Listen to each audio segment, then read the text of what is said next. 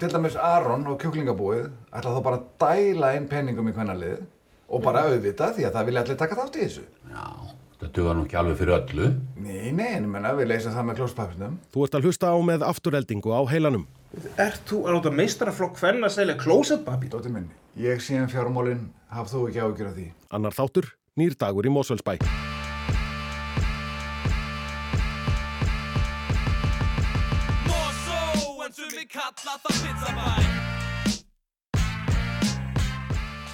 Skarpiðin mátar sér við nýtt hlutverk, Brynja lætur nýjan þjálfar að finna fyrir sér og hekla fær loksins tækifæri í sókninni. Skarpi og Brynja, þú veist, þau eru bæði, einhvern veginn, þau kunni ekkert annað Nei. en að vera á vellinum. Svona ef maður hugsaður sko tíu ára tilbaka, þá, þá er þetta mjög típist, veist, þú vissir allt bara síðastur einhvern veginn, veist, Það gerði svona óa förðulega og ég held að það sé mjög svona bara handbóltalegt og íþjóttalegt. Það er eitt að vera ykkur íþróttur og ert 15-16 og, og fara svo bara að spila hana á, á pro-leveli fyrir hérna, sjómanstætti einhverjum árum setna sko. Áfram, áfram, aftur helgi Já, það var nógum að vera í Mosó eða Pizzabæ eins og sumir kalla það í öðrum þætti afturheldingar og við ætlum að fara yfir þau mál í dag.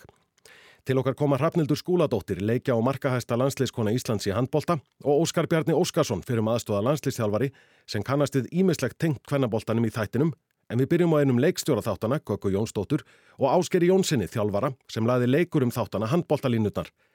Að venju gefum við út höskuldar viðvörun fyrir þá sem ekki hafa séð fyrstu tvo þætti afturheldingar. Það er spilliefni framöldan. Gunnar Birgisson er með boltan.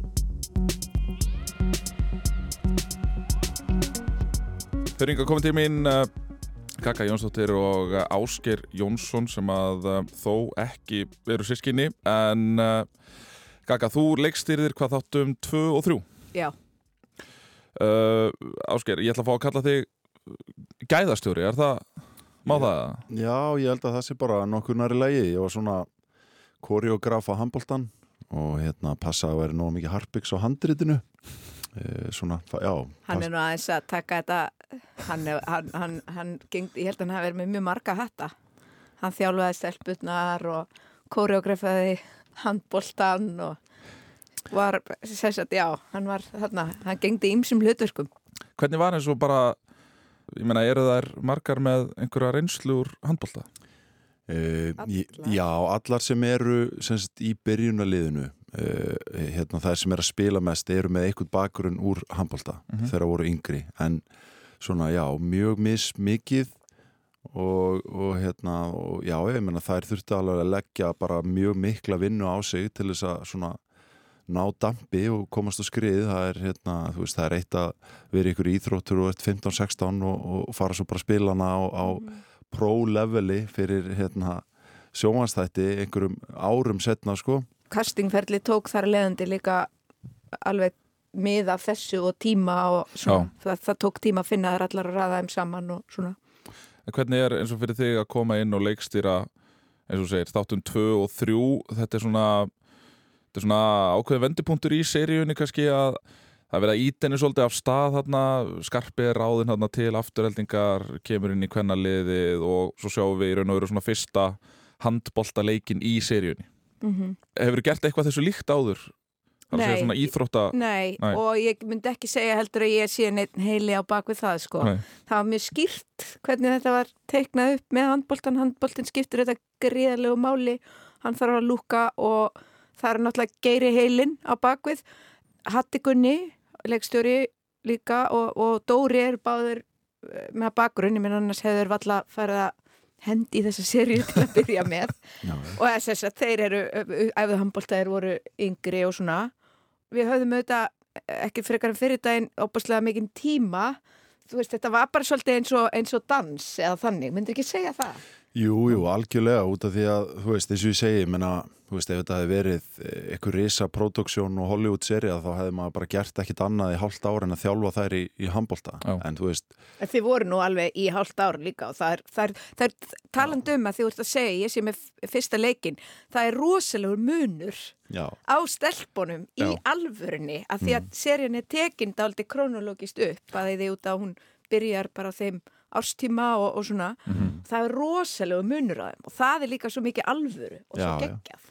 Algjörlega og ég meina 100% þú veist, við náum að klukka kannski einhverja tvo mánuði í æfingum hana, áður en fyrstu töku byrja, semst þennan leik sem að e, þessi leikur sem er hérna í þætti 2 Mhm. ég meina það er alls konar vandamál í gangi þarna, ég meina Svandís til dæmis er bara, þú veist, á annari löppinni. Já, við vorum með áhyggjur af henni, við vorum líka bara hvað gerist þarna, þetta var smá svona Já, ég meina hún bara tókna á kálfa og hún gæti ekkit æft, þú veist, í nokkra vikur fyrir þessa tökur, skilur þannig að, já, þú veist, það, það líka bara, þú veist, hennar einhvern veginn nálgun í þessu öllu og hvað ég segja, bara vilja styrkur eiginlega í allri þessari serju, þú veist, út af því að þetta er náttúrulega, veist, ekki bara það að hún sé, þú veist, að leika aðalhlutverk, heldur er hún náttúrulega að æfa á fullu Já. alla daga, skilur og þú veist, það eru oft dagar þar sem að hún er kannski að skjóta, þú veist, handbolta með okkur fyrirpartin og er svo að leika, þú veist, í ykkur mjög krefjandi senum Já. eftir það, skilur þannig að, hérna, en við, við gerðum þetta auðvitað í bútum já, já en þess að annars hefði þetta ekki verið hægt Nei, og nei, svo, af nei, því nei. að þá náttúrulega það er rosalega, það þarf mi, mi, þú veist, mikla elgi og mikið þóli að hlaupa og hlaupa og hlaupa og, og þú veist, svo ertu að gera einmitt þess að þú segir, einhverjar samtalsenur á milli og svona, nákvæmlega. En já, þetta var mikið gert í bútum og það var, það var samt rosa, þú veist, eins og þegar við vorum að gera viðmyndinar var rosalega gott að hafa geira því að þær auðvitað fóru all in alltaf. Já, já, það þurfti að, þú veist, einhvern veginn ná þeim og stoppa þær og, og svona, þú veist, kjarna þær á milli, sko. já og líka bara, þú veist, það var ekki tími til þess að setja þær inn í einhverju djúpar leikskipulags pælingar, skilju þannig að, þú veist, við gátum alveg og ég fann það mjög snemma, skilju, ég get alveg tekið þær inn á æfingu og hlaupið í gegnum, hérna, Barsa 2, sko Já. en það var ekki að fara að festast svo þú veist, fattar eitthvað ég menna, ég meina Já. þetta getur verið kræfjandi bara fyrir handbóltamenn að, að hérna, muna leikskipulag þannig að, veist, ég tók mjög snemma þá nálgum bara, ég, við fórum bara í, í þessar grunnhreyfingar og svo bara lappaði ég kerfin alltaf á tökustað Mhm. þú veist, ég fann það mjög fljótt að það var bara lang svona hraðskreðasti prósessin frekar heldur en að vera að eyða mjög miklum tíma í það að negla eitthvað smáadrið inn í einhverju kerfi Svo er alveg sendingar og mörk og svona sem að eiga sér, þú veist, eru, hvað Já. segir maður, svona tilvitnun í Já, já, algjörlega, ég menna, þú veist, maður er að, þú veist, með einhverja svona re söguna. referensa, þú veist, og, og, og kannski, þú veist, við skrifum svona handbólta niður á kannski meiri dítil heldur en kannski svo endanum sérst í ykkur loka klippi, sko, þannig að, hérna, þú veist, það var töluðu vinna sem fór í það alltaf að skrifa ykkur svona ákveðnu sögu í hverjum leik, hérna, eins og til dæmis bara, þú veist, Kæró 2 sem það spila, hérna, reyndar setna, Já.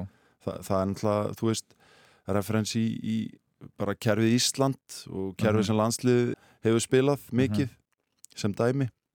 En hvernig er bara eins og með, þú veist, við erum að tala um þetta og, og, hérna, og þú talar um þessi mörk og svona, þú veist, getið eitthvað gefið upp, þú veist, hversu langan tíma tekur bara að taka upp eina sókn hjá þessu lið?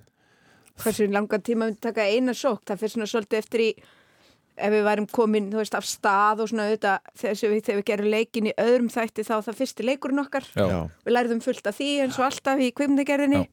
Þannig að Þa, það er, þú veist, það var mjög misjönd eftir Já. flækistu í Já. hérna, þess sem var í gangi inn í hverju leik. og þreytust í og Já, öðru. en þú veist, eins og bara þessi fyrsti leikur, við vorum þrjá daga að skjóta. Já.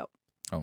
Þannig að, veist, við- sók kannski hálftími give or take? Eða, ég veit það ekki. Já, það var svona aðeins, aðeins misjönd en þú veist, við erum við erum eh, við erum þrjá daga, þú veist, við erum ekki allan daginn að skjóta handbolta en þú veist, við vorum kannski svona þú veist, eh, fjóra til fimm tíma að skjóta handbolta innan þess dags og svo var verið að Já, skjóta svo þú erum við veist, náttúrulega að gera klefasenur þú veist, og senurnar á bekknum Mhm.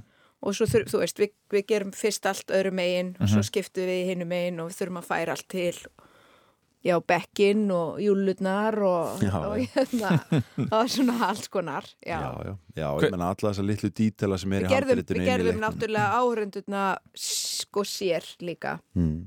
Já, og það er, það er bara á einum degi eða hálfum degi já, þetta er náttúrulega frægur salur sem það er náttúrulega að byrja í. Það er þessi grifi hérna í, í Varmá og í Mosó og, og það sem er svona kannski ekstra töff við þess að þætti að að þetta gerist allt raunverulega í Mosó, þú veist, við sjáum að Skarpi er að koma úr íbúðinu sinni sem eru þarna gamlu íbúðunar upp á, ö, gamlu húsinu upp á Reykjalendi Já, já. og, og þetta er svona allt sem að ætti sér alveg stóð í raunveruleikanum Já, já, við já. erum líka algjörlega authentic hérna úr Mosó. Já, heldur betur við, við erum heima. mosó nei, ég já. ég man eftir í hvað, 2000 og 2009 geri, nei 2010, 11 eitthvað svoleiðis þegar við erum að spila við gróttu í gamla salnum Mm. Þú inn á línunni. Já, þetta er bara, þú fengið eitthvað flashbackarna þegar gróttan mætir í fyrsta leik. Já, já, algjörlega, ég meina ég á náttúrulega margar ótrúlega minningar úr þessum sal. Ein eftirminnilegasta er náttúrulega þessi séri á í gróttu var eftirminnilega en, en hérna, ein svona mín fyrsta og sterkasta minningur handbólta er úr þessum sal. Þar að segja í meistaraflokki þá hérna byrjaði ég óvænt uh, við hliðin á Sverre Jakobsen í vörninni í 32 leða úslitum á móti FH uh, og það var bara held í fyrsti byrjunleisleikurum minn í meistaraflokki og við fórum unnuð á í hérna, tvíframlengdu leik og, og ég bara gleyma aldrei þessari sigu tilfinningu og horfa þarna upp í stúkuna þarna var maður búin að sitja náttúrulega sjálfur á hinum endanum árum saman Mhm. þannig að mér þykir náttúrulega mjög væntum hennar sal og ég er mjög ánægður að hafa getið, getað raunverulega verið á, á hérna, báðum stöðum eða þar að segja að við höfum fengið að vera þarna líka Mhm. Mhm. En hvernig er uh, svona Þú veist, ef við förum aðeins í, í þennan þátt bara þessi annar þáttur að, að þarna er svona eins og ég segi, þú veist, það er svona verið svolítið að íta seríunu svolítið á stað og, og, og hérna, það er svona, að mínum að þetta er svona svo sem að svolítið bindur þetta saman er náttúrulega AC sem er leikinn að Þorstinni Bakmann sem er svona maður hefur séð svona karakter að bregða fyrir, þetta er gæi svona sem að einhvern veginn bara lætur hlutin einhvern veginn ganga þú veist, sama þótt að hann þurfi einhvern veginn að- að að vaða eld og brennistein og allt þetta sko. En, en þú veist eisi í þessum, þessum þáttum og það að, að leikstýra manninu þínu kaka, ég meina, er þetta er það eitthvað erfiðar, er það eitthvað flóknara? Nei, alls ekki, alls ekki. Eisi hérna í sögunni er, hann er takkmynd fyrir svo margt, Já. sko. Hann er takkmynd fyrir hagsmunasamtökin, fyrir kallana, fyrir í rauninni smá pólitíkina, þú veist, hann, hann hérna, og Rúrik og, og svona, hann er, þú veist, kannski klísjað en það, þú veist, það er alveg feðraveldið Mhm. er þar, sko, eða föðuveldið eins og hann segir sjálfur í Já. þáttunum. Það er bara mjög gaman og, og við auðvitað, þú veist, græðum á því að vera bæði í verkefnu, getum verið að tala Já, um þetta fram og tilbaka og, og svona, en ég meina, þú veist, maður hefur alveg séð þennan mann marg oft. Já. Já, ég meina, hann fær þetta bara einhverja hugljómun að, að hérna, þú veist, það er náttúrulega bara ná í skarpa og, og hérna, lætur þá Ragnir sem að þá er þjálfarinn og kannski besta setningin í þáttunum hinga til er, er þegar hann segir, já, já, þú ert náttúrulega ólétt Já, já Ég held ég eisa að það, sé, að sko, það er svo bara svona í rauninni að því að maður er alltaf að reyna að skilja svona, kynja stríðið og svona Mm. en ég held að í alvörni þá finnist eisa eða þessu verður bara reddað með kalli í brunni. Já, hann er náttúrulega ákveðin svona erki týpa uh, Já. fyrir uh, nákvæmlega þennan stjórnanda eh, ekkit endilega bara í íþróttum en þetta er auðvitað líka raunveruleiki sem að konur hafa þurft að hérna að díla við Alveg eh, þú veist og, og, og kannski svona hans hugsun er þú veist, þú veist hann er svona kallakall skilur Mhm. og, og honum veist, og þetta er líka svona kannski hluti af svona ákveðinni uh, svona afreiks hugsun sem getur orðið svolítið toxic að honum finnst raunverulega nánast hvað sem er réttlætanlegt í nafni árangurs Einmitt. þannig að þú veist það að sækja svona færan þjálfara sama hversu sk- sköddu vara leiði mér að nota það já. hann er á þessum tímapunkti að, að þú veist að þá er raunverulega hægt að keira hvað sem er áfram í nafni árangurs og, og hérna og þetta getur verið svona til varasum hérna slóða feta eins og mun- kom í ljós og allt það Steini gerir þetta alveg ótrúlega vel og fullkomin í þetta jobb sko. Svona íslenskt fúsk líka. Ég held að Já, Elsa, já. Marja, við hefum notað þetta orð fúsk Já. og en maður hugsa líka um það með alls konar hluti, hvort sem það er pólitík eða eitthvað annað, Mhm. svona verða kaupin á eirinni til Já, já, og nákvæmlega svona og það Algjörlega. er bara svolítið gott að, að að teikna það upp og sjá það þarna. En hann er líka með rosalega mikil svona mikill sannfæringakraftur í Eisa, þú veist, hann er svona einhvern veginn að fá alla einhvern veginn inn á einhvern veginn að dansa sama dansin en það er, það, veist, það er mjög mikil einhvern veginn svona allir einhvern veginn út á sikkurum ástum virðist vera þannig að þú veist, hans hlutverk í þessum þáttum og maður gerir svona ráð fyrir því að þeirra framleiða stundir að, að þá mun hans hlutverk vera ennþá mikilvægara mögulega svo líka í rauninni að þið verður samt að tala um þessa stjórnunarhætti eða hvað er kallað þetta að það sem gerist samt er að það kviknar á stelpunum. Mhm. Já, já. Þú veist, þetta fer kannski ekki alveg eins og eisi ætla að láta þetta fara en kannski, og mér finnst í seríunni, þá finnst mér við svolítið fara út með það að ef við ætlum að láta þetta ganga Mhm. konur og menn að þá þurfum við aldrei að einhvern veginn spila þetta saman. Já, já, Algjörlega, já og það er náttúrulega hluti af sögunni, ég meina þetta eru blessunulega breytti tímar já bara 100%, 100%. Og, og, veist, og maður sér það líka að, og maður sér það bara strax í fyrstu því að við erum að tala um þetta og við erum að tala um þessa svona, svona gamaldags, segja, hugsunarhátt að Skarpi kemur þarna inn og, og það er eitthvað verið að slá á óviðeigandi staði og svona Mm. en hann er, veist, hann er farin að átta sig á því að kannski hans svona, hvernig hann tæklar hlutina Skarpi, að hann er svona farin aðeins að átta sig á því að það er kannski ekki alveg að fara að virka Nei. Svo er hann kannski búin að standa í stað svolítið lengi, Mm. svona svolítið eins og hann sé búin að vera í geimslu. Já, en þetta er aftur svona annað dæmi e- einmitt um sko eh, hver skilgreinu mörkin Mhm. veist, út af því að það sem hann er að gera þarna er náttúrulega bara eitthvað sem hann er vanur að gera úr íþrótum til lengri tíma, Já. fattaru en þó að tilgangurinn hjá honum sé ekki eitt kynferðislegur eða hann hugsi þetta ekki sem eitthvað óviðandi, heldur bara stemningu skiluru, Mhm. Að þá er það ekki hann sem á að skilgreina hvernig viðtakandin upplifir þetta og það er náttúrulega hluti af þessu líka og þetta er, þú veist, þetta eilifa samtal sem er náttúrulega líka bara í gangi í samfélaginu núna e, og við kannski erum svolítið oft svona, eh, þú veist, umræðinu stundu svolítið skrimslavætt í kringum þetta en, en hérna Já, þetta er svona eins og með Skarpa sem er þjóðhetja mm, og hann er svona, hann stendur fyrir það sem að kannski einmitt þegar við vorum börn og svona, hann er, þú veist, það voru svona töffarar. Já. Þeir voru bara alveg málið. Hvort sem það væri popparar eða einhver er í sveitinni hjá okkur eða Mhm. íþrótta. Og svo einhvern veginn á einni nóttu þá, þá verða þeir að einhverju svona, einhverju bannvöru eða Mhm. þeir, þeir verða eiginlega ólöglegir. já, já. Og það er líka svolítið, þú veist, hvernig fóta þeir sig í hinnum, þú veist, nýja raunveruleika. Allt sem þú segir, allt sem þú gerir Mhm. er einhvern veginn ekki í lagi. Já, já.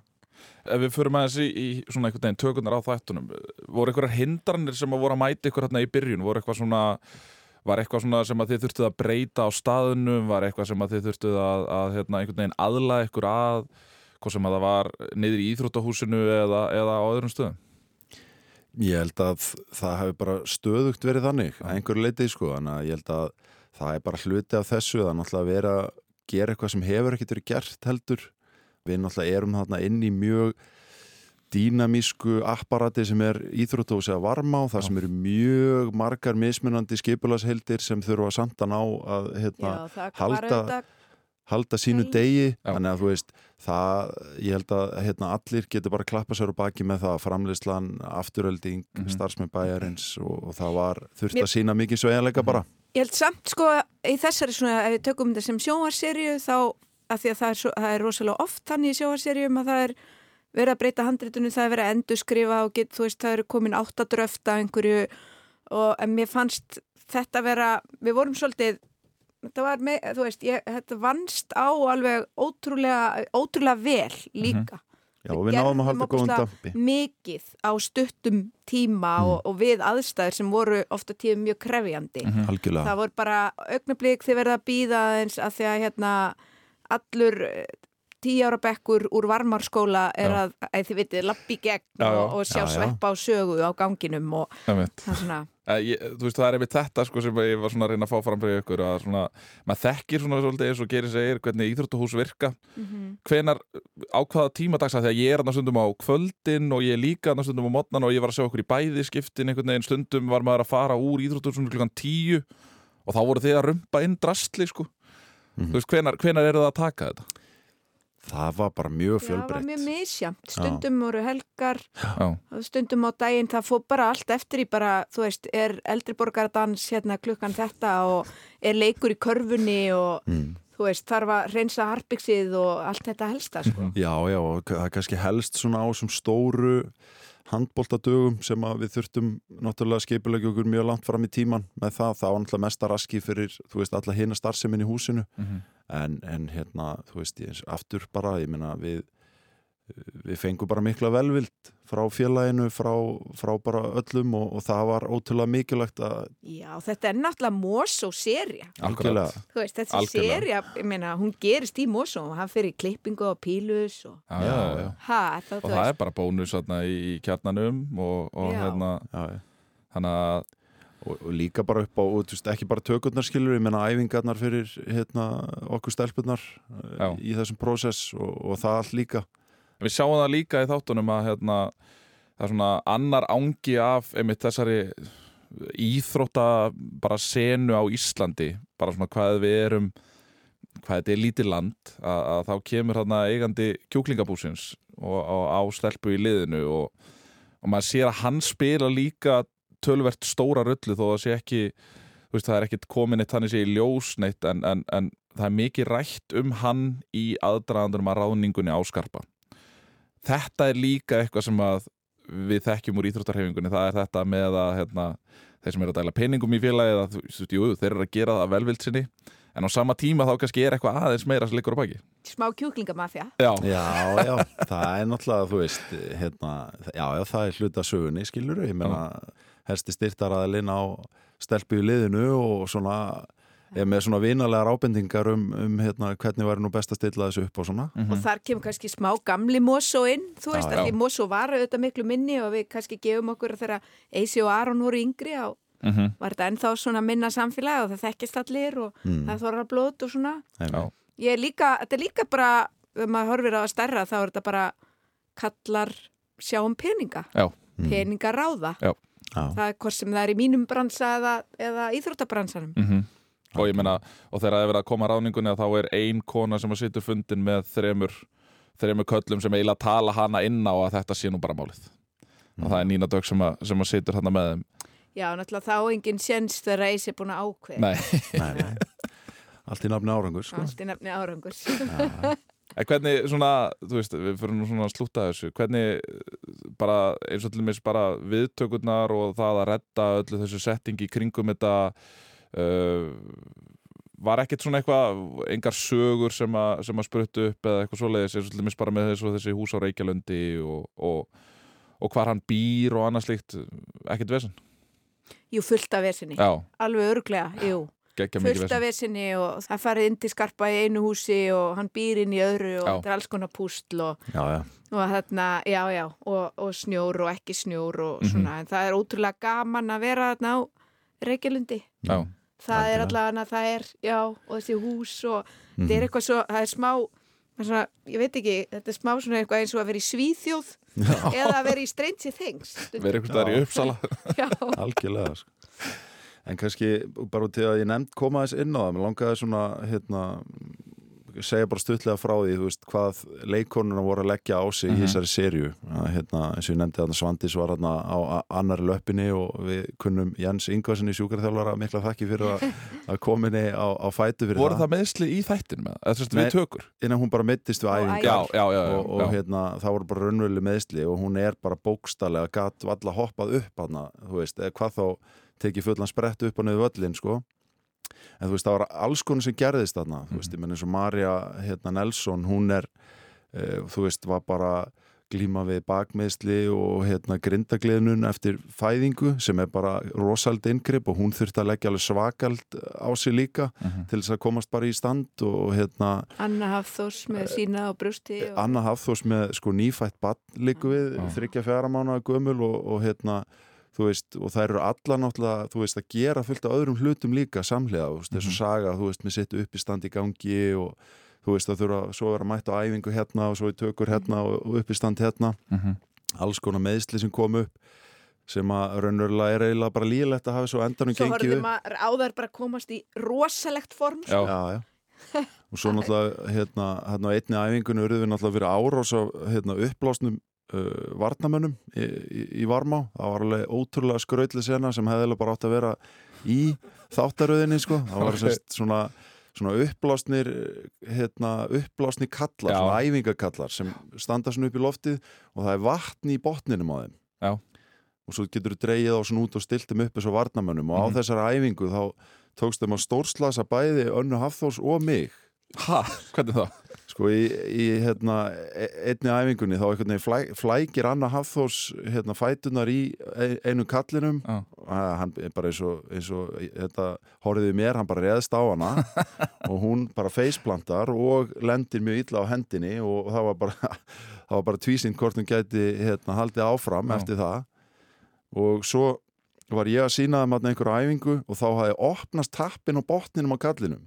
Þannig að þegar ég kem á flegi ferð og ætla að stökkva hérna, einmittli eitt og tvö að skjóta þá bara sí- síðast þess að ég sé á henni setniðu fótinn er bara ristór pollur og þetta var bara eins og hérna, sjaplinmynd sko, ég bara var láréttur í loftinu og gjössalega hamraðist að baki stelpunar allar í sjokki en þetta hérna hafðist nú, já, svo má ekki gleyma hérna, sérst, Björk Guðmundsdóttir Mm. sem er á hækjum í þáttaröðinni og er hérna í liðinu á bekknum Mm. hún raunverulega ristabrotnaði á æfingu Já. Þess vegna er hún á hækjum. þess vegna er hún á hækjum í seríunni hún átt sem sagt er ekki með handbólta grunn en, en, en hérna var eins og hinnar búin að vera að mæta á æfingar og standa sig vel en Já. hún bara varð fyrir því ömulega óláni að stíga illa niður í hraðuplöpi og bara ristabrotnaði Þetta er náttúrulega handbalti er náttúrulega, þetta er aðeins öðru ég meina, þú- þetta er ekki alveg það sama og mæta bara í, þú veist, eins og ég segi, ræktina eða fara á Þetta er svaðalegur brussugangur. Akkurat, Já, það er, já. þú veist, Já. maður sér að þær eru allar í þú veist, þú getur, þú getur alveg selt mér að þetta væri handbaltalið já, já. en, Já, en, þær voru líka bara orðnar það Já. og þegar að stelpunar eru að spila hvort sem það er tekið upp í bútum eða lengra þú veist, þá náttúrulega eru þær að spila þú, það, það, þú getur ekki verið að gera neitt margt í einu, þannig Nei, nei, ég minna, þú veist, eins og segi, þetta, hérna, verður þetta aldrei alveg fullkomið, fattaru, en, en ég myndi segja framfarnar og hvað er, hérna, náðu samt að setja gæðin langt upp, finnst mér, Mér finnst þetta fullkomið sko. já, finnst mér líka bara- mjög virðingavert. bara eins og með að Brynju að þetta, þú veist, hún, hún tekkar í öll bóksin með við það að vera sko, lastiskona og fyrir matvinnukona á leiðinni heim veist, líka minn einhvern veginn allur í ha ha hakki, en hún vil samt halda áfram Já, já, er ekki með í fótboltanum í uppbytun og svona, einmitt, að þetta er svona já, já. þetta er alveg típa sem maður þekkir og þá sérstaklega náttúrulega, og ég tala nú ekki um þú veist, hjá konu sem hafa gengið í gegnum barspurð og, og annað slíkt að, þú veist, Mm. þá er þetta bara eins og þú segir, bara hrikalega elja í þessum hópi Já, og þau eiga það náttúrulega líka sammeilegt skarpi og Brynja þú veist, þau eru bæði einhvern veginn, þau kunni ekkert annað Nei. en að vera á vellinum Já. Og lífið veginn, þau, þau bara, það, já, það virkar ekki nema þann inni.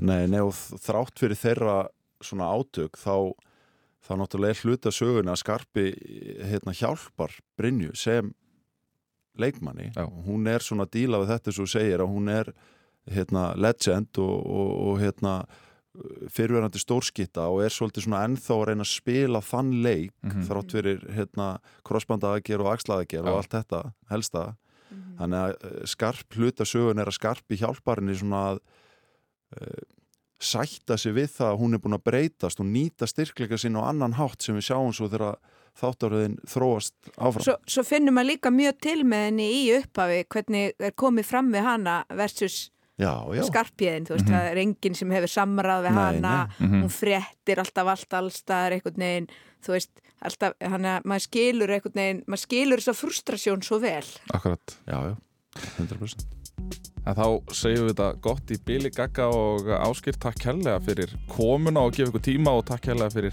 frábæra þætti. Takk sem ég leiðis. Gunnar Birgisson rætti við þau Göggu Jónsdóttur, leikstjóra og handknallegstjálfaran Ásker Jónsson. En aftur fáum við tvo viðmælendur í hljóðstofu. Hrafnildur Skúladóttir, leikja og markahæsta landsliðskona Íslandsugunar og Óskar Bjarni Óskarsson, handbóltaþjálfari og fyrrum aðstóða landsliðstjálfari, eru sest hjá Helgu Margreti Höskuldsdóttur. Ragnar, á næsta dögum þá voru tilkynnt að Skarpjæn Karlsson er tekið við liðina. Skarpjæn Karlsson Já. að þjálfa kvennalið. Eh, Hversu vittlausir getið eiginlega verið? Rafnildur og Óskar Bjarni, velkomin. Takk fyrir. Takk fyrir það. Eða að byrja, byrja kannski á svona almennt, hvernig, já, hvernig líst ykkur á þetta, þessi fyrstu tveir þættir? Bara frábærlega. Ég, hérna, mjög, ég hef ekki, ég hef búin að vera bara mjög spennt fyrir að sjá þetta eftir hérna eftir að hafa hort á hérna auglýsingarnar og svona og veist, þetta kom mér alveg bara skemmtilega óvart þetta var bara, mér finnst það virkilega gott sko Við erum náttúrulega búin að býða svolítið lengi eftir að fá eitthvað eitthva handbólta tengt í, í, í sjóarpi svona sko.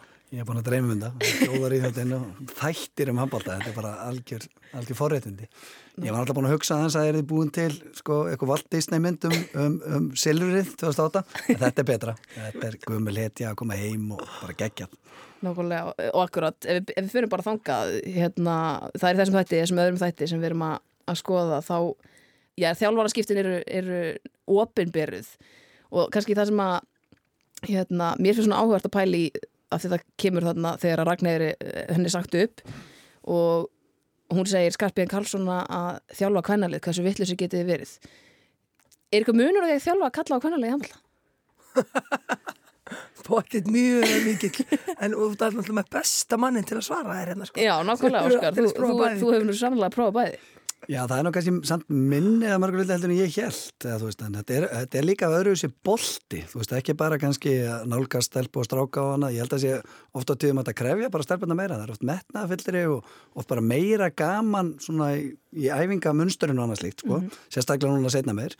En, en hérna hvað var að segja, boltin líka svona á að vera hraðari, á að vera svona öðruvísi taktikar, á að vera svona ekki eins það er kannski átt mikil kunst og svo sjálfsögðu er ímislegt andlet sem er svona kannski eitthvað, eitthvað öðruvísi. Mér veist að með stelpunar oft verða sko fara lengra niður í, í mótlæti. Það er eitthvað sem ég vissi ekki alveg. Mér að svona oft fara, maður þarf að passa það sko.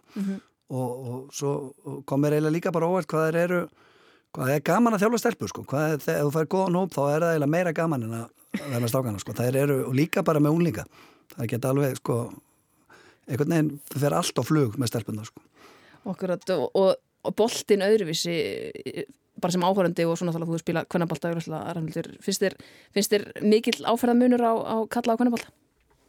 Já, það er það. Og maður sér það alveg, svona- þú sér það alveg sko oft svona best þú fyrir að horfa líka svo alveg á bestu kvennaliðin spila sko, þú ert farin að horfa á Champions League og horfa, horfa á Gíður og svona lið spila.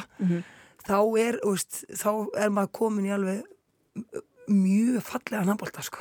Mér finnst það alveg bara allra skemmtilegast að horfa á sko. Og hva, hver er það munur? Sko, þegar þú kemur til með eins og, í, eins og Ramildar að tala um kannski á bestu tökum bara Champions League og þessi fjögur, fimm bestu Mhm. landslið. Uh, ég held að svona einn almenni handbólti er ekki, hvenna handbólti er rosalega vinsæll. Mun vinsæll heldur, heldur fólk hérna heima gerir sér grein fyrir. Mhm. af því að þeir eru komin í það og það eru ríkalega vel þjálfar, þeir eru léttari og hraðari enn strákanir þannig að það er svona er svona eitthvað við hraðan og, og tempóið og, og öll lætin svona þú veist þannig að, að meira gaman að horfa á þær þannig sko fyrir hinn almenna. Ég held að, og svo er bara komið svo ríkaleg gæði sem en að norska kvennlæslega er líklega ekkert landslið sem æfir jafn vel og þær.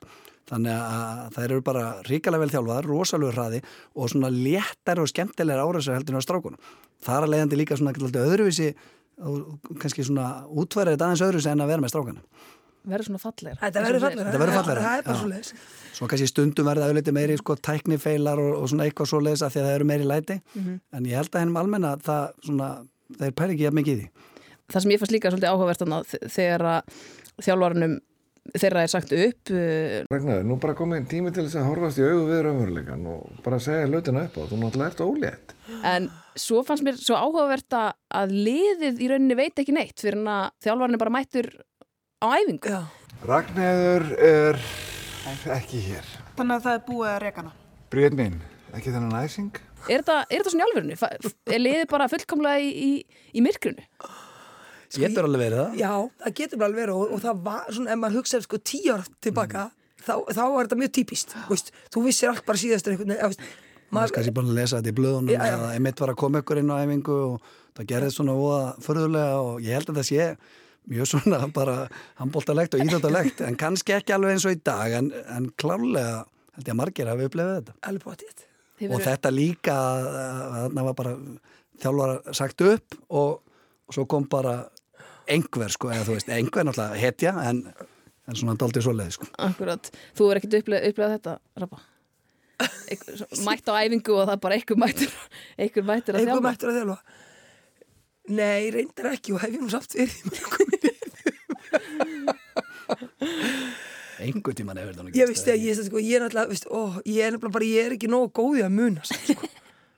en veist, ekki, ekki síðustu svona 15 ár Gæti mögulega að vera Gæti mögulega að vera eitthvað lengur tilbaka sko. tilbaka Svo náttúrulega er í þessu hitt sem er þessi augljóslega, augljósi aðstæðmunur hjá þessum, hjá þessum liðum aðstóð þjálfarinn fer með, með skarpa hana í, í síningaferð og hérna er stóri salunum sem bara strákandi fá að spila í og, og svo eru stelpunar hérna í ykkurum, ykkurum hliðarsal fyrir 15 árum, Rappa, var þetta svona? Sko ég er náttúrulega, veist, ég er náttúrulega hérna, emitt, fengi hérna þessa spurningu svolítið oft og ég hef náttúrulega verið alveg einstaklega heppin með liðin sem ég hafa verið í mm -hmm. haf, hefur verið mjög mikil jöfnur en ég veit alveg meðan ég var í jöfnuðunum þá var þetta alls ekki þannig hjá mörgum öðrum liðum þannig að ég er mjög þakklátt, ég er náttúrulega, veist í öll valsári mín eru við náttúrulega bara út af við vorum svo marga mömmur að við fengum meila betri tíma heldur en kallanir og þeir sátu frekar eftir sko. þannig að við vorum meila meiri forðundahópur heldur en þeir sko. og svo náttúrulega þess að þeir íbjöf alveg algjörlega skipt 50-50 sko.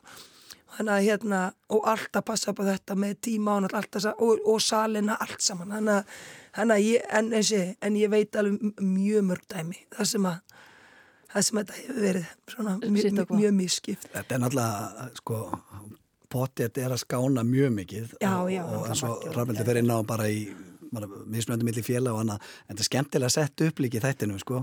og staðan er einfallega svo að nú þarf hver og einn að selja klóspapir fyrir 200 skall. Bara hliðasalur og aðarsalur og, og vera að selja klósupapir og stákarnir í okkur um bensinkortum og, og klálega er munur þú veist að við förum í budget og annað það, þá ennþá eigum eitthvað í land með að þetta sé alveg. En, en svo er maður svona hugsaður út í að stelpuna fengi ekki að spila byggar og slitt á lögatarsvell í fókbóltanum sko meðan þú veist þú voru bara eitthvað staðar og, og það er ímislegt, ímislegt og mjög margt skánað. Og ég held að eins og hún talar um mörg félögur vilja að reyna að gera þetta jáft en það sem dæmi eru munur ennþá kannski á budgeti. Já, já, budget. Og, og, og svona ímislegt er en við erum að, við erum að nálgast. Og það kemur náttúrulega þetta klósitpapir dæmi þetta er 200.000 Veistu hvað það er mikið að klóspapir? Já, ég veit það, ég er búin að rekna það út. Hann notar ekki svona mikið klóspapir Sko, dýllin er þessi að uh, ef þú nærði ekki að selja allt þá þarfst þú sjálf að borga mismunin. Bæði hvern og kalla, Vist, við erum alltaf dögluðu fjáröflunum og það er náttúrulega rosa mikið komið út í vinnutengt veist, bara sem við valið vorum að græja sali fyrir ásáttíðir eða eitthvað svolítið taka niður salina, veist, allt svona bara í, í formi vinnu, ég meina IPVF er alltaf í risa dósasöfnun veist, á hverju eftir 13. á hverju ári og ná er ég alltaf jóladósunar hjá bæjabúum skiluru, þannig að veist, það taka allir þátt í þessu það, það tengja allir við þessa fjárhaldinu sko. og svo er bara, er, klósettpapirinn svo er bara, jú, jú, ég, ég við tókum einhvern tíma klósettpapir fyrir Európa-kjörnum í val sko, þess bara er okkar frumkvæði það var ekkert klúpurinn sem við bara tókum það á okkur. Og svo mannum bara svo Gunnarberg og ATP, þeir söldu klósettpapir í, í haugum á sínum tíma, ég man eftir því sko. Þannig að við hefum að fjármagna allar okkar Európa-kjörnum eða sjálf, flest liðin held ég í að gera það. Eru allir í öllu meistrarflokkum að sem að að sleppa við fjáraflunar. Já, þetta, þetta var nú samt aldrei gott að þetta er kannski það sem er erfiðast. Þegar á að fara í þetta þá verða eiginlega sko allir að vera með. Þannig að ég er alveg klára því að það er svona pingu oft eitthvað ekki allir með. En, en bestu fjáraflunar er náttúrulega þegar að sko kannski leiðtóðarnir og þessir líkin menn fara í þetta. En þú ert alveg með það að einhverjir eru dæm ekki eða einhverjir ger ekki þetta og, og svona svíkjast undan og það er, þá verður allt miklu erfiðar. Þannig að ég held að þetta sé alveg eitthvað en ég menn það er allir sem verða að gera þetta þegar við erum að fara í erfakefnir í öllum félögum og allt slíkt en, en þetta er klárt svona ennþá eitthvað svona held ég að vant upp á að sumi sleppu við dómgæslu sem dæmi. Þegar við handbóltanum var bara mestarlokanir haldin yngir lokamót þá, þá þurfa mestar að kalla á hvenna sinna x mörgum leikjum það var svolítið mikið pyrrandi held að sum típöðin sem gátt ekki gert það það dýtir alltaf að við þurftum að taka fleiri leiki Já. við dögulega fólki Já, þá lendir þetta á annarkvært á kjúklingunum eða dug, hinum dögulegu leitónum sko. Nefnum ekki nöfn Nei, nei, nei. En ég klárlega ekki eina bara það setja ekki fram en, en, en svo hérna af því þú segir þetta, það, það, það eru allir í þessum fjárhaldunum í dag Já. og það kannski kemur hann að líka svolítið þannig er, er félag auðvitað í smá fjárhagskrísu og ákveðs að taka hérna risa lags hérna, sem að þarf augljóslega að fá meira borga heldur en hvernig þjálfum sem var á undan náttúrulega já, já. En, en svo er samt, þú veist, þetta er ekki sérstaklega glamur, hann er hann í ykkur, ykkur ketur, ykkur kofa, keirinum á ykkur jari struslu er þetta ekki svolítið, þú veist, handbóltinn þó þetta sé þjóðar íþjóttun okkar þá, þá er ekki rosalega mikill peningur í henni en heima. Nei, alls Nei, ekki. alls Mér varst þetta líka flott, hann var í ykkur, einmitt bara hvernig húsið var og bílinn. Með bónuskortið. Já, með bónuskortið, þetta er bara eins og þetta er. Og, og, og, og, og fyrst líka er að segja, sko, þú fær bara bíl og íbúð og, og, og, og laun og, og það er að taka, þú veist, hérna, og taka stelpunna sem er ekki alltaf það, nú stundum munur einmitt hvað að vera að borga þjálfurum, sko. Mhm. Þannig að þetta var aldrei svona leit vel út, en svo var þetta mjög handbóltalegt. kofi, einmitt. Já, vinsta tegunda bíl og, og þetta er svona, þú veist, þú ert að fá, þú ert að fá minnstu bílana í handbóltanum oft á tíðum, sko. Mhm. Það er aldrei svo leiðis. En þeir drífa kannski. Hvað er vesti bíl sem að þú hefur gert trappa? Ég er nú reyndir aldrei, sko, ég hef aldrei fengið svona lilla bíl og sann frá. Guð, ég veit það ekki. Ég er reyndir að fekk einhvern sem heitir Danmörku, en það var þetta bara bráðabráð, hann leitaði svona postbíl. Mér var staðalveg ræðilegt. En það var fyrir þetta fljót, það er sennilega vesti bíl sem ég hef fengið. Það var í Danmörku, þannig Það að í þetta er ekki bara hérna, Nei, eins svo og það reyndar- í Ísland. Já, það voru reynda bara tveir mánu, svo fekk ég mér flotta bíl. Mjög gott, sko. Svo, hérna, svo fáum við náttúrulega að sjá handbolta loksins í þessum þætti. Það var aðeins kannski, fengum eitthvað smá svona í fyrsta þættinum. En þarna er bara, þú veist, steinni hlutun á þættinum er náttúrulega bara þessi leikur á móti gróttu. Kemur, kemur, kemur, kemur, áfram Hvernig, hvernig fannst ykkur að að sjá handboltan í sjóarspunum? Það sem að, ég hluta til, vitum við, eru, eru atvinnum menn, stelpur sem eru að æfa handbolta, en, en svo eru það leikarir. Hvernig, hvernig hefnast þetta? Jú, veist, hérna, auðvitað náttúrulega sjáum við Óskar náttúrulega alveg mjög svona kaststíl og annað sem er, maður sér alveg að það kannski hafi ekki haft handbólta mikið, en nú svona, mér fannst alveg ótrúlega gott með, veist, að það eru náttúrulega margarna sem hafa örgulega bara mjög lítið kasta bolta, allavega 100% allavega síðust 20 árum, sko.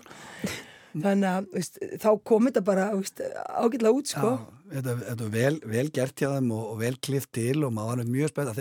Er nú, leikurinn voru eitthvað búin að æfa í val þannig að ég er búin að sjá það á æfingum og, og það er, sömur búin að æfa áður og, og mis mikið og annað sko, og það lögur svo bara mikið framveiti við að svona, vera á séræfingum og, og svona komast inn í leikkerfi og dótiri og mér finnst þetta að koma eiginlega bara ótrúlega vel út og, og vel gert og maður er mjög spenntur að sjá hvernig þú veist að því að svo allar að fara í einhver kerfi og gera eitthvað og, og varnaleikur og þannig að þetta er svona eh, bara gaman eiginlega sko.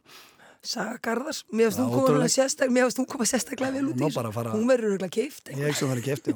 Hún, fari, ekki bara aftur í líku. Hún er hávaksin og, og bara uh, ross, flott rossaflög í vörninni og Þetta er svo hrossaflugu í vötninni. Sko, ég vil sjá aga. Það er unun að sjá þig fara upp á tíu metrónum. og lifti sér upp aðna og skorar skemmtileg mörg og Ég vil sjá hann í Ólís á næsta Já, ári með afturhaldíku fyrst að voru nú að komast upp. kvíla aðeins leiklistin og fari, bara prófa að leggja aðeins harðar að sér í handbóltan. Ég var gaman að sjá hvað kemur út. Nákvæmlega. Er eitthvað kerfi sem þið væri sérstaklega til að sjá hérna, endur, endurleikið?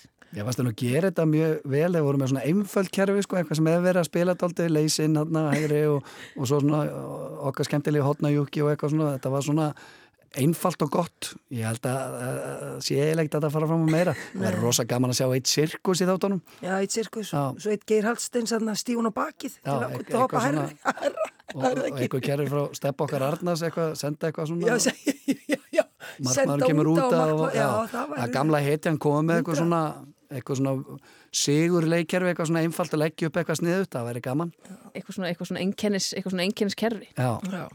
Sko, svo fáum við náttúrulega, við fáum klassíska háleiksræðu, eða svona allavega, svona frekar klassíst uppi, þú, ert að tapa í leiknum og svo kemur háleiksræðan og, og vitum enn, hún, hún virkar. Er þetta, var þetta sannfærandi háleiksræði þannig hjá yngvari sem skarpiðin? Viljið þið gjöra svo vel að mæta? Dýr anskotans vittlusar í vörnina! Já, stelpur, við förum bara inn í hennar leikmúra, komið, maður sjá okkur. Finnst best líka að hann fótt að fekk sér smók sko, því að það, það í gamla dag var þetta náttúrulega mjög algengt. Þetta er ekki í dag en, þetta var alveg. Og einhverju leikminn alltaf líka út í já, spiljáleik. og svo kom, hann og tók hérna svona ekta handbólta hálfleiksræði myndi ég segja, Mhm. svona og time out og annað, þetta var, var margt í þessu sem að var svona uh, rifjað upp í mislegt sko. Það er svo komist eða það er vist svepp er að Já, svona reyna eitthvað svona. ekta B-þjálfari, ekta aðstofþjálfari svona good and bad cup sko. Og hann var heldur grimmur uh, því að stundum halda menna með mig ekki verið grimmur við stelpunar, Rappa getur nú kannski svara því. Ég held sér alveg þetta krefja það nefnilega og þó hann orðbræði og ýmislegt sem hann sagði svona var.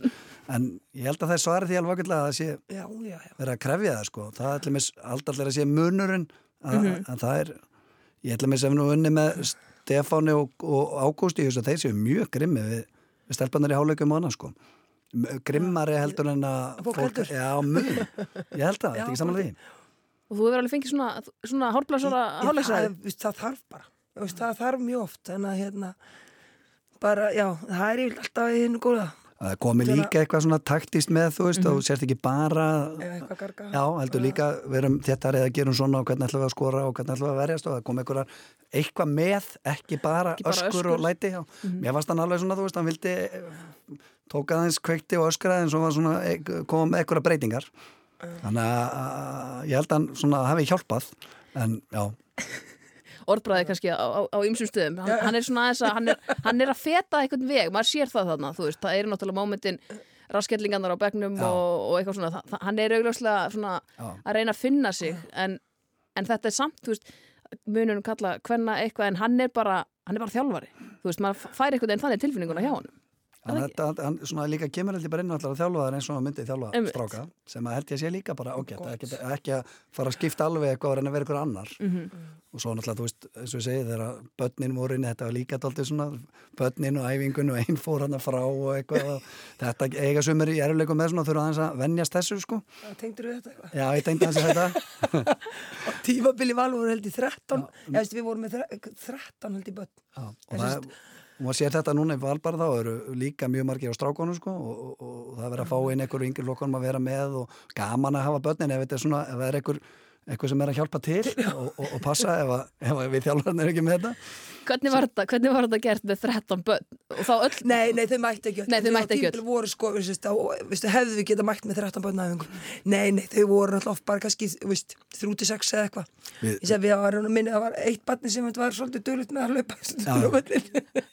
Mér séu börnin aðeins hvernig og það var finnast að mamman já, þið bara keira hann bara niður og læra hann að því. Það er allmis liðstjóri núna í hún Björg sem að mætir og sérum, það eru svona unga börn sko, það er bara með, hún kemur okkur einu stæfingu sem er ómættilegt sko. Bara betri en, betri en leikskólinn bara. Ég held sem fleiri börnunni kringum kallaðingur en hvenna sem er líka gaman að því. Það er kannski breytingarna sem eru Sko, ég held við, held við fyrum að, að klára þetta, eru þið ekki, já hvað sjáu þið, það er Evrópuleikur framöndan hjá, hjá þessu liði, eru við við að, erum við að sjá þar áfram í Evrópu? Já, klálega Evrópa kveikir í okkar manni held ég sko. Já. það gerir það við alla þessa gömlu hetjur og, og viðtölun loki líka þegar við mættum með Gaupa og Einar Örd sko, það var alveg frábært hann alltaf hjóla í það og vissi ekki einu svona af Evrópuleiknum sko, það var annað sko, hann var ekkert búin að skoða anstæðingapottet eða eitthvað svona þetta er, þetta, er- þetta, þetta er alveg martana sem að er bara true story í handbóltanum en, en örlíti kannski tilbaka myndi ég alltaf Já. Svona nokkur ár. Já, en maður er spenntu fyrir, ég bara, var eiginlega bara fúll að fá ekki að klára seríuna sko. Já, þetta Þetta er bara einn dagur í einu, við erum að býða, býða eftir þessu. Uh, Óskar Bjarni og Rafnildur, takk kærlega fyrir komuna. Takk fyrir okkur.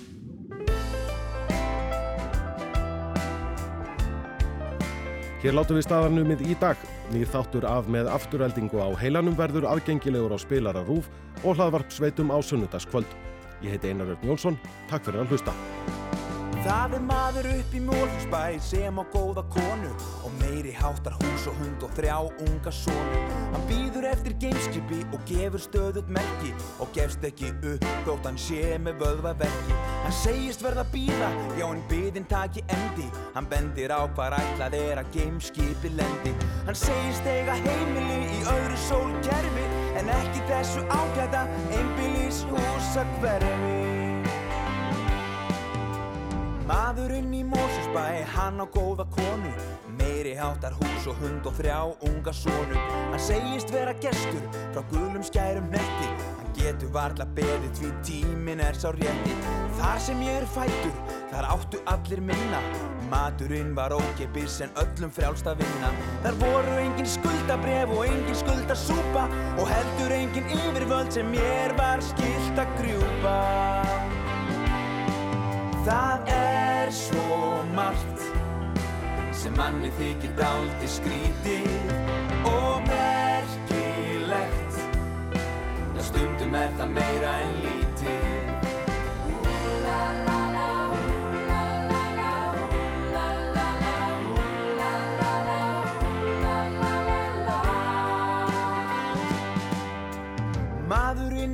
Mósusbæ, hann á góða konu Meiri háttar hús og hund og þrjá unga sonu.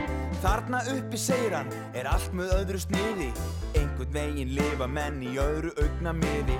Hendurnar sem þykja, eru hendurnar sem gefa. Hjarta það er létt sem fyrst og laust við allan efa. Hann hvarf eina nóttina og enginn hefur séð hann. Og enginn veit með vissu hvernig fór hann burtu hérðan Það er svo margt sem manni þykir dálti skrítið og merkilegt. Já, stundum er það meira en lítið